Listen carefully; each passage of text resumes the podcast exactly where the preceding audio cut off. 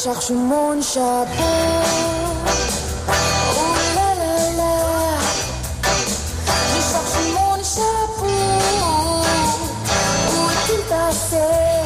Som a Suplement, som a Catalunya Ràdio, un programa que riu amb persones de qui no s'hauria de riure. Aquesta és la premissa de la qual parteix Tabús, el nou programa de TV3 que podeu veure els dimecres de la nit i que defensa que ens podem refugiar en l'humor fins i tot en els moments més foscos. Ho hem comprovat amb aquests primers capítols que ens han mostrat. Tal com està el panorama, sembla que és el programa que necessitem més que mai aquests dies. Tabús és el programa que presenta David Verdaguer. David Verdaguer, bon dia, bona hora. Bon dia, Roger. Com, Com? esteu? Molt bé, i tu? Bé, ara estava fent el vermut i... Ui, quina veu. Ui, quina Per què? Ui, quina veu. Ah, tu, tu ja tens la veu gruixuda i al matí encara la tens més. Gràcies, és de lo més eròtic que m'han dit mai, però... Sí que la tinc això del matí, però... Sí que t'han dit Però- poques coses eròtiques a la vida. Home, que el confinament són... Vull dir, sí, m'han dit molt poques coses eròtiques a la vida. Ara em faràs, em faràs com d'anticoach i em deprimiràs. No, estava fent el vermut i estava fent el, intentant començar a fer un sofregit. És això, la meva vida és això, de moment. Com fas el sofregit, tu, David? Ui, jo sóc molt maniat, jo sóc molt bo cuinant verdures, eh? Ah, sí? Doncs el faig com, com tothom. Posarà, en aquest sofregit hi posaré doncs, ceba i posaré ceba, pebrot verd i pebrot vermell. Un pebrot vermell que estava ja reclamant que el matés perquè hi havia una part florida que, que m'he estalviat, diguéssim. Mhm. Una cosa molt poc, molt poc glamour i res, doncs el vaig fent. A, a, a, a sense tomàquet? lento. A fuego lento. Sense tomàquet, en aquest cas perquè ho fem amb, ho fem amb cigrons, barrejarem cigrons. Carai. Sense tomàquet, sense tomàquet. Carai, tu, Cal Verdaguer, com mengeu, no? Sí, sí, mengem bé. Una altra cosa no, però això sí. Sí, sí, ens Molt cuidem. Um, clar, tu, a més a més, uh, has passat el confinament en família, no entenc, amb la teva filla, uh, tens una filla petita, la Lupe, Sí. um, i, i suposo que el, el cap de setmana passat vau sortir per primera vegada, no? Sí, sí, sí, vam sortir, anàvem fins al cap de setmana passat, sortíem un cop a la setmana cada un, fèiem la compra, anàvem carregats com xerpes, una cosa històrica, i després, ara sí, amb la Lupe vam sortir, tot i que no hem sortit, no hem sortit cada dia, eh? No hem sortit cada dia, perquè ella, ella suposo que els petits ho porten millor que nosaltres. Ahir va fer 3 anys, el seu aniversari, el vam celebrar aquí a casa, vam omplir la, classe, la casa de globus i encara hi ha globus uh, Mm. per aquí casa i crispetes pel terra. Una, una cosa bastant... Que si ve sanitat ens xapa la casa, vaja. Molt bé, doncs no diguis gaire. Clar, tu et vas, ets un avançat perquè la pregunta que fem a tots els experts a, a, a aquests dies, als periodistes, és com seran els dies que vindran. I tu ja vas fer una pel·li que era els dies que vindran, que en aquest cas anava de la paternitat, no? Sí, senyor, és veritat. Home, els dies que vindran no sé com serà. De moment són incerts, però... Jo, això, jo coincideixo amb molta gent que diu que li fa molta por això de la nova normalitat, no? Mm. La, la normalitat o és normal o no és... No, no, no existeix nova normalitat. Una cosa és normal o no és normal. Nova normalitat és el que em fa por. Suposo que hi haurà un temps de nova normalitat fins a arribar a la normalitat de tota la vida.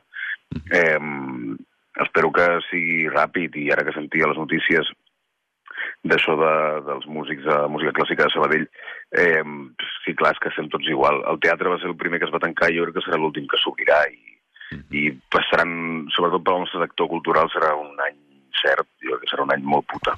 Mm -hmm, I tant. Um, fa tota la pinta, fa tota la pinta. Escolta'm, ara em parlaves de, de la filla, dius que ho porta bé, però tinc entès que uh, té una línia directa amb Pedro Sánchez, que li trucava per poder quan podia com, sortir. com, sa- com ho sabeu tot això? Sí, sí, sí, parlava amb Pedro Sánchez. Sí, sí, parlava amb Pedro Sánchez. Però què vol dir? Que per, a veure, explica'm una mica més perquè... Eh, bueno, no, ella feia veure que trucava i, i agafava una, la mà, feia veure que era el telèfon i deia Pedro Sánchez, ah, val, val, i anava fent això, ah, val, val, no, no podem sortir, no, coronavirus, mm, molt malament, la seva amiga imaginària es va morir de coronavirus, també. Vaja, uh, realment t'ha sortit una, una filla de la faràndula, també, eh? Sí, sí, la Monum, i dic, però s'ha mort, diu, sí, però encara fa patades. Dic, ah, però morta fa patades, sí, però ara ja no està morta, ara ja no, perquè es va morir molt poc, es va, em va dir que es va morir molt poc, Ah, bueno. la meva filla, o sigui que està, la Monum, la, me- la, la amiga imaginària de la meva filla, està bé, que ho sapigueu. Mm -hmm. Els dimecres al vespre a TV3, com dèiem, el David Verdaguer el podem veure fent coses com aquesta. Perquè no teniu diners, no us podeu gastar en xorrades del plan cinema a la fresca. Qui vol cinema a la fresca tenint una vida a la fresca?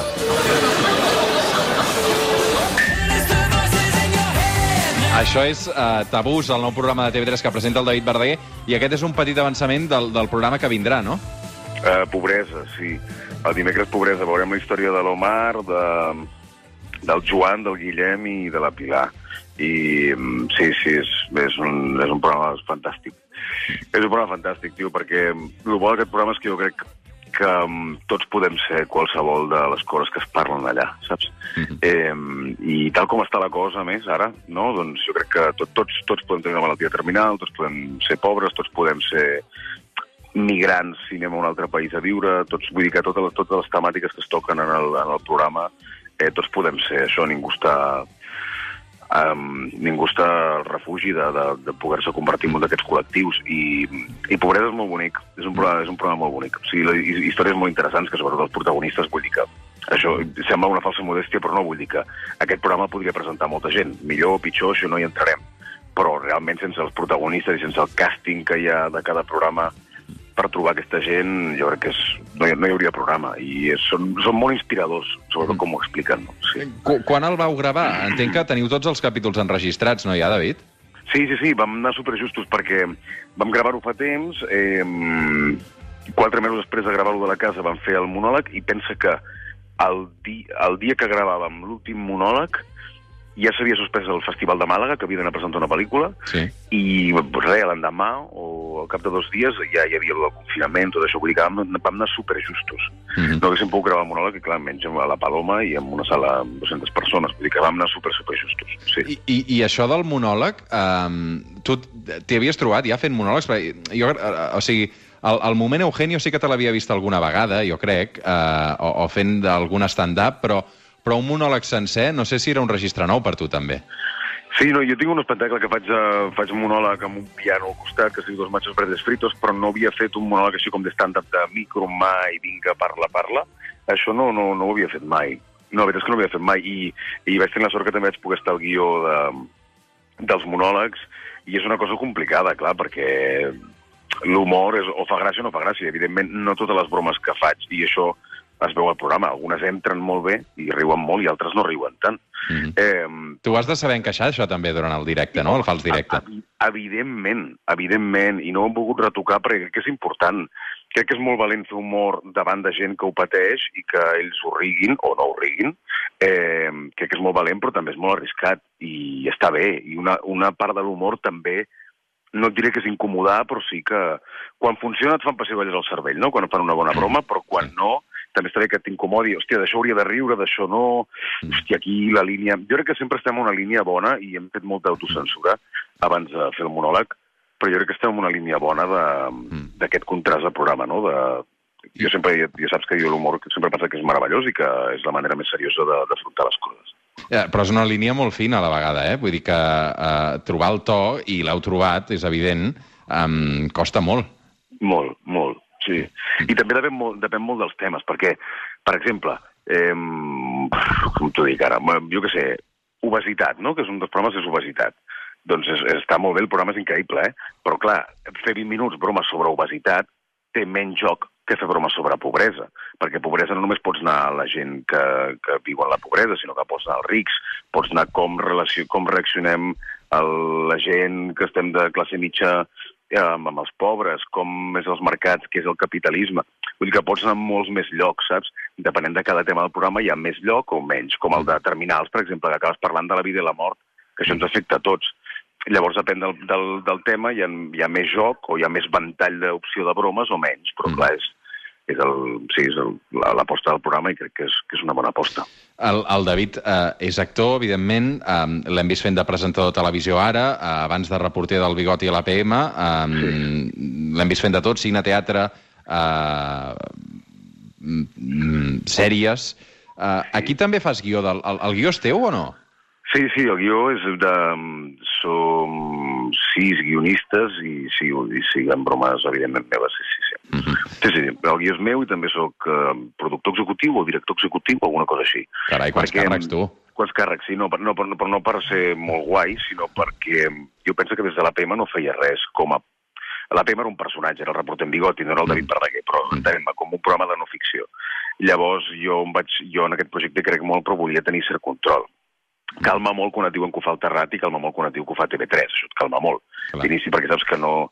Però jo volia tenir control de no anar buscant ni la part groga, perquè el groc brilla molt i és una cosa horrible, i, i tractar la gent normal, ni com a superherois ni com a pobrets, i tenia, volia tenir control del producte, i era la, la, la, la manera d'aconseguir-ho, perquè, perquè, hòstia, el, el format és arriscat, vull dir que pot sortir bé, pot sortir malament, i potser algun programa et surt bé i algun et surt malament, però bueno, jo crec que jo ho hem aconseguit i que jo estic, molt, jo estic molt content, vaja. I sobretot estic molt content perquè la gent, és a dir, els protagonistes de cada programa estan molt contents.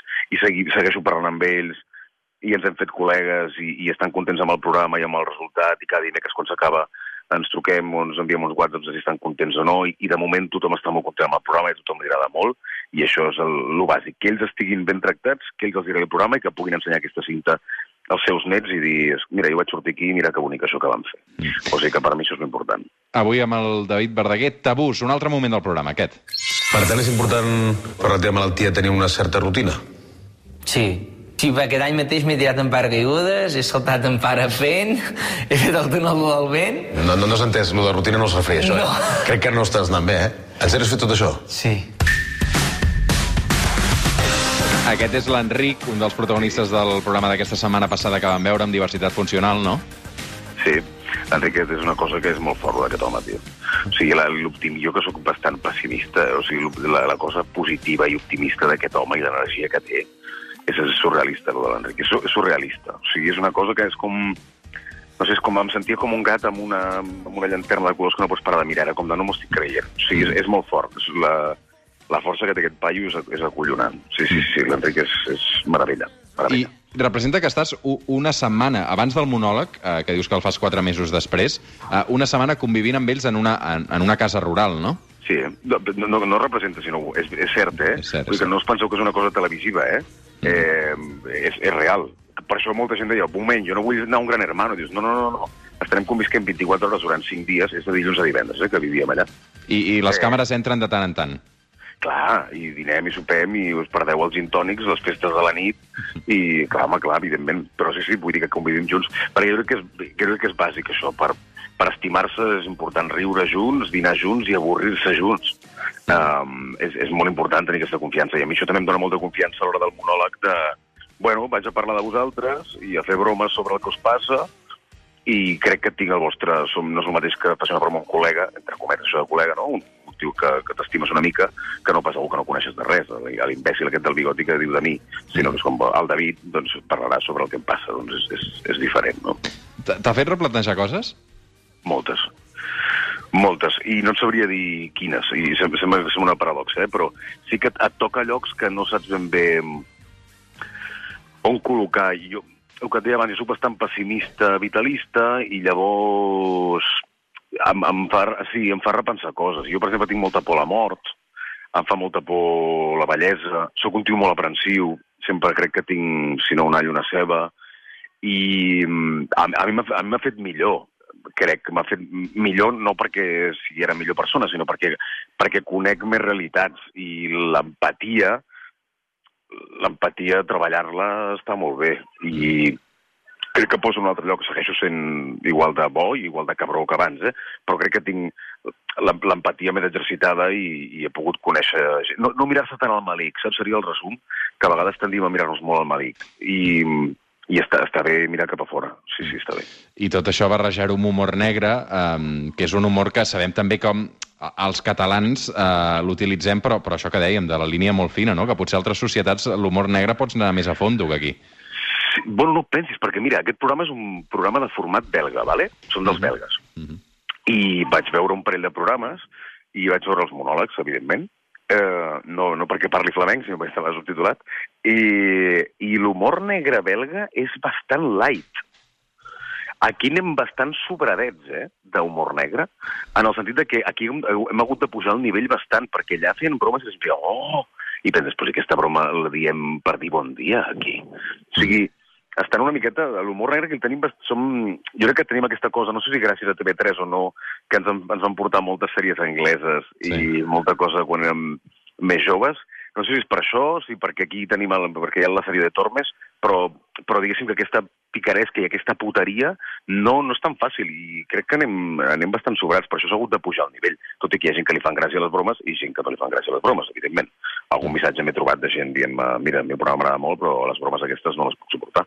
Bueno, I dius, pues, ho entenc, pues, Sí, està, sí. vull dir que està bé, no? Però, però recordi que són bromes, que no parlo en sèrio, eh, que això és important. Mm. Avui, eh, aquesta setmana, aquest dimecres, nou capítol dedicat a la, a la pobresa. Quants capítols són en total, David?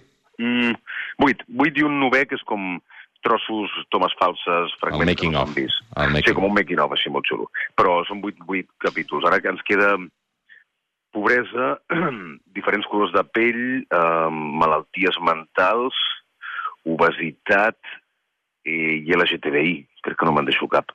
Molt bé. I LGTBI, sí. Doncs et seguirem i et continuarem mirant. Quines sèries estàs mirant aquests dies, David? Bueno, vaig veure una que es diu Succession, que allò és una Brutal, l'he vist, l'he vist, m'ha encantat. Increïble o no? I, Sí, i sí, sí. Han, pa- han hagut de parar pel coronavirus de gravar la tercera temporada. T'he de dir que la primera temporada em va agradar encara més que la segona, però... No, la segona... Jo la primera és com... És una d'aquelles d'aquelles sèries que és primera... No veus el primer capítol i vas... Bueno, fa després el segon... És una mica com el Soprano, no? Que n'has de veure tres o quatre per dir, però això què és? Sí, sí, I comencen a enganxar, i comencen a pillar els noms i tot el que passa, ui, et tornes tot loco.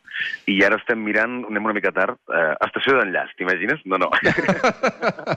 no, no, estem, estem mirant La Granja. No, estem mirant... Eh, estem mirant The Crown, Ah, molt bé. que la segona temporada, que és una altra cosa molt diferent, molt més lenta. No té res a veure, no té res a veure. Home, aquesta molt- crec que és de les sèries més cares que ha fet Netflix, eh? M'ho crec, perquè és, eh, és, és puto acollonant. O sigui, els flashbacks de, vinga, ja som al 1945, Alemanya, Sí, sí. acabada... Sí, sí, no, és una animalada. És, Mm. és, però és increïble com ho fa tot. És que els actors són molt bons. I tenim pendent de veure Afterlife, la temporada 2, que vam veure la primera. Decebedora, eh? Sí, la segona no l'hem vist. a Eh, mi- Sí, de Salvadora? No t'ha agradat la segona? No m'ha entusiasmat del tot, tot i que la Marta Ferrer, que ara saludaré, um, està entusiasmada també amb aquesta sèrie, però a mi em va decebre un pèl. En fi. Però la primera sí que t'agrada. Sí, sí, sí, sí. sí, sí. I Vale, mira, vale. eh, també hi ha humor negre aquí, eh? Home, sí, clar, el Ricky Gervais és el És Déu el nostre rei. senyor És de el- l'humor negre. Sí que és un, això sí que és un referent taco per fer humor així cabron. Sí, sí, sí. Molt bé. Uh, David Verdaguer, et veurem dimecres. Moltes, moltes gràcies. Records a la Maria i a la família. De part teva, un petó gegant. Adéu, adéu, adéu. Adéu, adéu.